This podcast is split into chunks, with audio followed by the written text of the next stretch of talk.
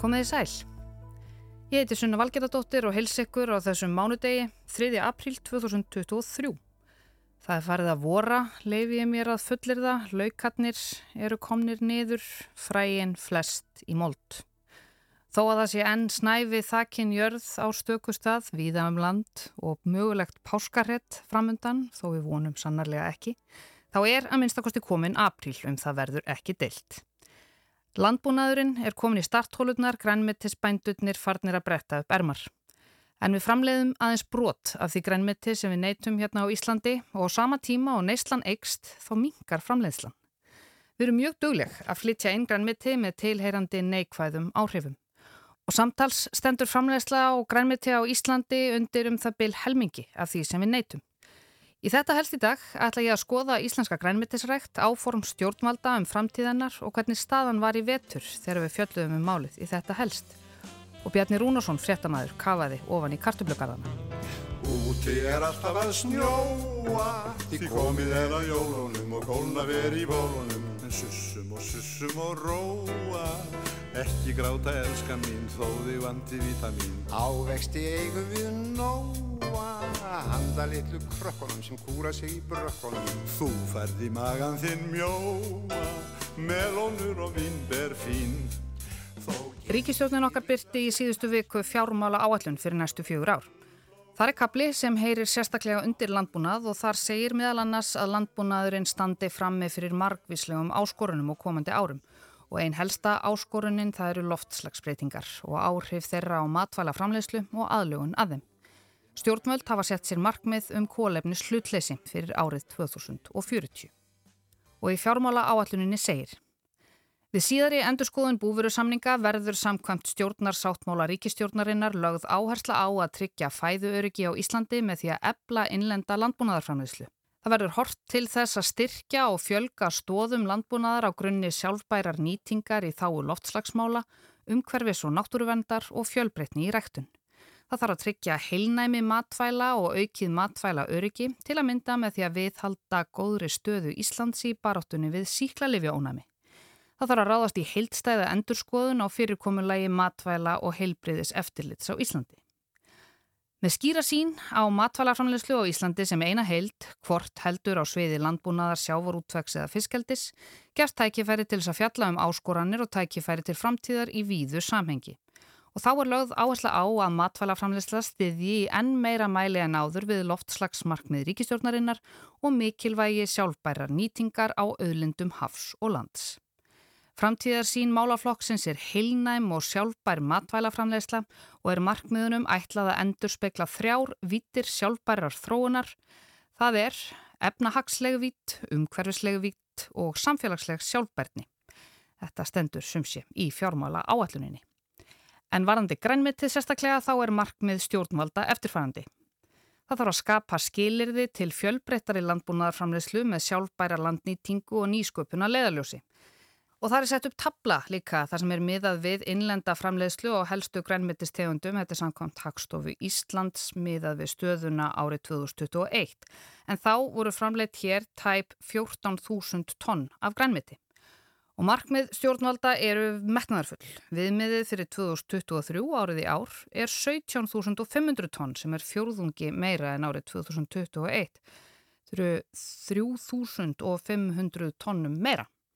Og svo er stemt að því að framleiða 19.500 tonn af íslensku grænmeti 2027 sem er 40% meira en 2021. Þannig að samkvæmt þessu þá stendur til að ebla íslenska grænmetisrekt til muna næstu ár og við verðum svo bara að sjá til hvort það gangi eftir. En í fjármála áalluninni segir að við fyrri endurskoðun samningsum starfskilirði framleiðenda gardirkju afurða voru sett markmið um 25% aukningu á framleiðslu og innlendu grannmiti, meðal annars í því skinni að auka markað slutdeild innlendrar framleiðslu. Verkefnið Loftslagsvæn landbúnaður hefur það markmið að veita heilstæðar áðgjöf og fræðslu fyrir bændur um hvernig þeir geti dreyð úr losum gróðurhúsaloftegunda og aukið kólefni spindingu á búum sínum og jörðum. Verkefnið er nýtt og það er hort til þess að ebla það á komandi árum og gera það aðgengilegt enn fleiri búgreinum. Og það máli taka fram að við höfum alveg fjallað um framtíð íslensks landbúnaðar í þetta helst áður, þá kannski sérstaklega framtíð íslenskrar kortræktar og bendi ég landbúnaðar sinnuðum hlustendum á þá þætti og auðvitað ekki síður þeim hlustendum sem eru alls ekki landbúnaðar sinnaðir. Það er alltaf gott að vika sjóndeldarhingin. En við höfum líka fjallað um íslenska grænmyndisræktun. Bjarni Rúnarsson, fréttamaður og bondi rætti við Axel Sæland, formann deildar grænmyndisbænda hjá bændasamtökunum. Þeir hittust í november í fyrra í hlýrri og notalegri gróðrarstöð við Espiflöt í Reykjóldi í Bláskóabigð og Bjarni byrjaði á því að spyrja Axel hvernig Ísland geti orðið sjálfbært þegar kemur að grænmyndisræktun.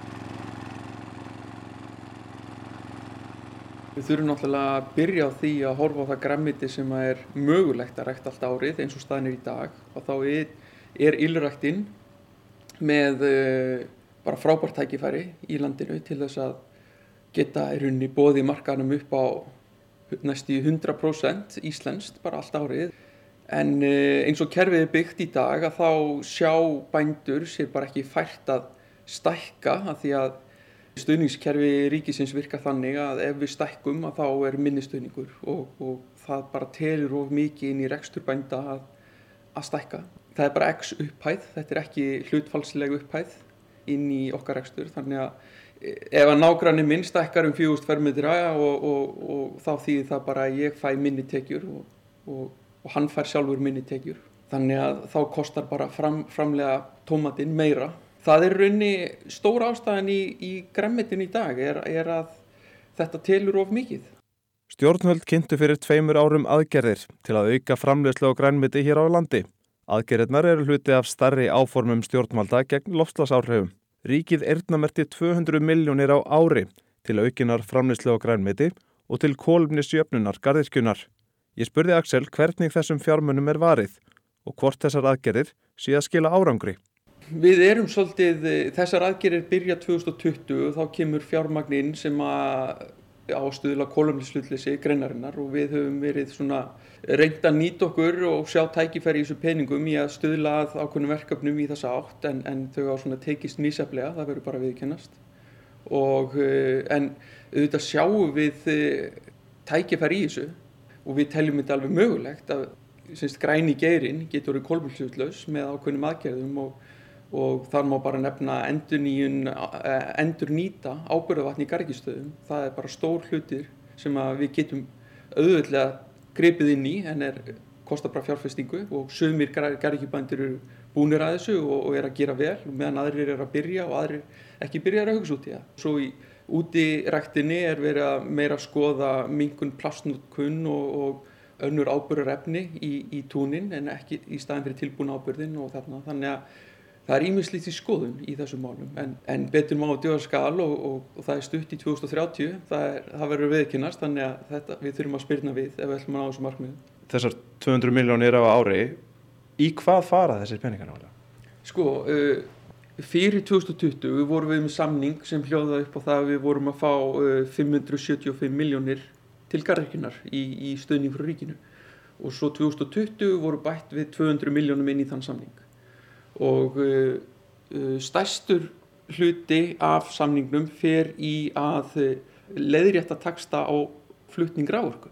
Það er það að garðikjustöðvarnar hérna á Íslandi, það er borga sama flutningsgjald og hvert annað heimili á Íslandi og svo kemur þessi stöðningu frá ríkinu sem er ekkert annað en leiðrétting og taksta vegna þess að það er galið að við séum að borga sama sömu flutningsgjöld og hvert annað heimili.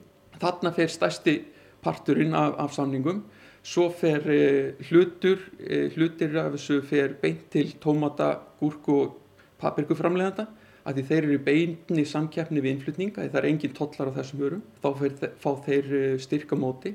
Og svo er hlutur sem fer í útirækt, þar sem þú fær styrka á hvern hektara sem þú ræktar. Og svo er í verkefni fá líka stöðning, það er aðlöðuna lífrannum framlýsluháttum, það er kólanis hlutleysi og það er kynbóta fjö í þessu í þessum samning og, og við reynum náttúrulega eftir fremsta magni að nýta þennar samninga eins og við getum en, en núna veit ég að það eru nokkru garrikjubændur sem eru komnir á damp með eh, bæði bengrislunar og, og, og ramagni því það er, þú, ekki, þú færð bara x mikið og eftir það þá færð ekki krónu frá ríkinu og stærstu gúrku og tómataframleitu landsins að þeir eru þá bara að rækta síðustu mánuðin á árinu á fullum gjöldum og og þá er þeir bara sama sem að borga með sinni vörin á markaðin en krafan það er allt vittlust á markanum ef þeir myndu bara segja, heyrðu, ok, við hættum síðustu tvo mánuðina því þeir eru okkur ekki, þeir gera ekkit fyrir okkur.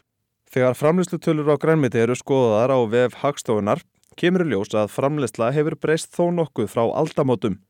Minna er framlýtt af kartöblum og rófum, en um þriðjungi færri tonn af kartöblum voru tekinu upp í fyrra en árið 2000.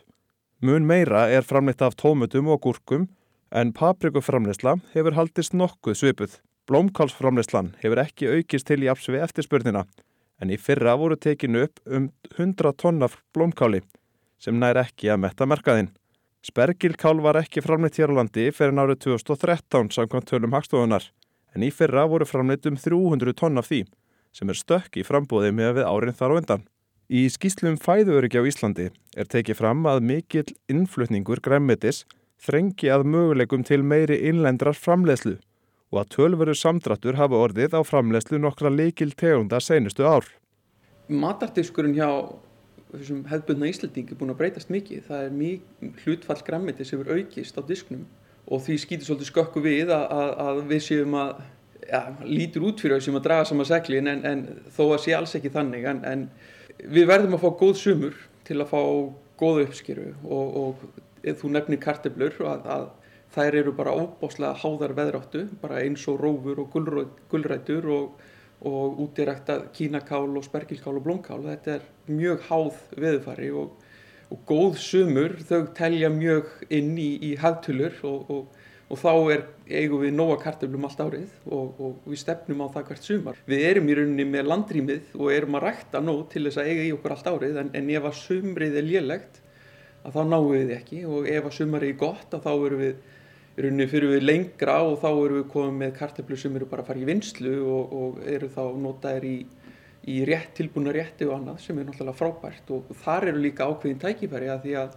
ef þú fer og skoðar innflutningstölur að þá er, er íslensk framleysla á karteflum er um 7000 tonn en innfluttar karteflur eru líka um 7000 tonn.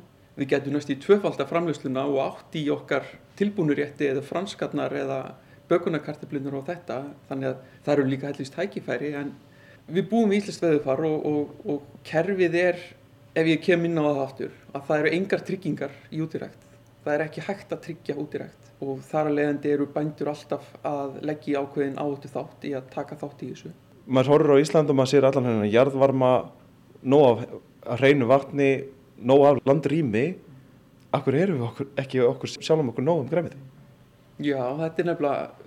Eða á hverju stoppar það? Það skýtur svolítið skökku við, ég veit það, og, en, en sem betur fyrir hafa komið aðlærin á marka en sem eru svona ákveðni bröðtriðendur í, í nýsköpun og, og, og lífrannræktun er svona að reyna að fóta sig út í ræktinni og hefur sömbú hafa nátt að gera vel og svo núna á síðustu tveimur árum er náttúrulega hörðu bentnir komið inn á markaðin og og það hefur meira sem verið að gera rannsóknur í Íslandi og, og það er ákveðin svæð á landinu sem eru mjög heppilegt til laugræktunar en samt eru við ekkert að pæla í þessu og, og af hverju ekki? Jú vegna þess að innflutti laugurinn hann kostar saman ekki neitt og þá er það bara auðveldar í leiðin og, og það er kannski svolítið hlutur sem að við erum ofta að horfa á hvað er auðveldast frekar en hvað er æskilegast þetta auðveld er þægilegt þanga til að gengur ekki upp eins og vísa var til í kveik á dögunum þá er græmdisræktun mjög háð innflutningi með aðföng og tilbúin ábyrð sérstaklega. Er eitthvað sem við getum gripið til hér á landi eitthvað lífra nefni eða eitthvað slíkt sem við getum skipt þessum efnum út fyrir? Sko ég sé það kannski ekki ganga alveg upp í ylrækt í dag, allavega ekki eins og staðinir hjá okkur núna en maður veit aldrei hvað árin gera með betri þekking og þróun en maður sér kannski frekar í útirækt að það sé ákveðin tækifæri og Ég tala nú ekki um þegar bændasamtöki núna voru að gera samning við landeldi í Þólasöfn og þar sem að á að fara að vinna mikið frá lagsinum og, og jafnvel fá mikið frá kúabúum til þess að e, búa til túnáburð hreinlega. Þannig að það er strax komin eh, tölurtækifæri mm. og, og, og það er ekkert sem segir að sá, sá ábyrði sem kemur út í þeirri framlöslu get ekki nýst út í rættindum. Þannig að þar eru tækifæri en í dag er engin ekkert sjáanlegt að við séum að fara að framleiða ábyrg sem er vassleysanlegu sem við þurfum í ylræktinni þannig að við erum bara mjög háð innfluttum ábyrði í ylrækti hérna á Íslandi. Svo er eitt sem er áhugavert.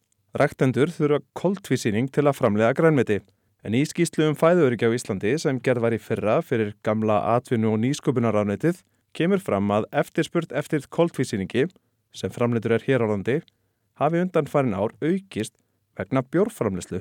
Grænmetisbændur eiga erfiðara með að verða sér úti um kúta vegna þess að þeir fari í auknum mæli í bjórframleyslu og verðið hafi hækkað þar á leiðandi. Já, já, þetta er bara, þetta er bara hrein samkefni um vöru og, og uh, það er lítið frambóð á koldusýringu í Íslandi. Það er eitt fyrirtæki að framleiða koldusýringu í Íslandi og uh, það þarf koldusýring í gós og bjórframleyslu og við þurfum koldusýring í ylræktinni að því að koldusýringur bara eins og súrefni fyrir okkur. Plantan þrýfst á koldusýring og það er hennar byggingarefni og uh, eftir því sem að okkur fjölgar og þá þurfum við meiri koldusýring í gardirkjuna og, og og uh, bjórframleðendur og, og gósframleðendur þurfa meiri koldusýring í sína framleðslu en koldusýringsframleðsla á Íslandi hefur ekkert aukist undanferðin ár og, og þar að leiðandi hefur uh, aðmiskilist bara verið flutt inn til að fylla upp í þau göð sem að hafa verið á markanum og ef að við ætlum að sjá tækifæri í dag að þá er það annarkvort að fá stóru orkufyrirtækin á Íslandi sem er í jarvarma að reyna að hreinsa koldusýringin sem kemur frá þeirra virkinum betur til þess að gera hann Eh, eins og við kallum að einsku food gradable þannig að við getum notað hann í okkar framlýslu mm -hmm. eða bara hreinlega flytja hann inn. Það eru bara þessir tveir möguleika sem við sjáum í dag. Og, og núna erum við bara komin í beina samkjafni ekki bara í verð eða sem sagt nú eru ekki bara í grænageranum heldur, eða sem sagt grænu orkunni heldur líka bara í, bara í orku að því að núna er gas sem að flest allt grammiti er ræktað á í, í Evrópu, það eru fimm sinnum dýrar en það var og, og jafnvel e, rættundur út í heimi farnir að horfa öfundur augum til okkar því að hér eru við á lokari eigi og erum ekki tengt þeirra orku, orku neti sem er algjörlega á styrluðum stað í dag sko.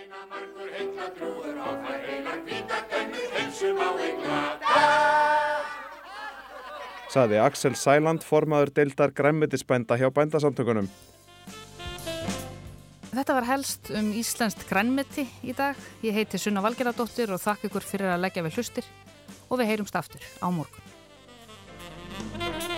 Er sé þér stjórngarfur slingi, já hver er betri fæinu hjá frelsisbandalæginu. Þú átt að vera á þingi, með sjálfum kæftaskjóðunum hjá saminuðu þjóðunum. Ég held var langt í mig líf áður en á hankanum í alþjóðlega bankanum. Hangi þinn hattur með fríði hurra fyrir mér og þér. Aldrei verður við högstólan ég hissa á. Klæjum og grind okkar keppi nauta slíka þeia pendi munum pissa á Látum nú skrýða til skara gegn kultúrlausum kavaler sem kennir sig við eini verð. Hann ætti held ég nú bara að hengja sig í runninum að hengja sig í runninum að hengja sig í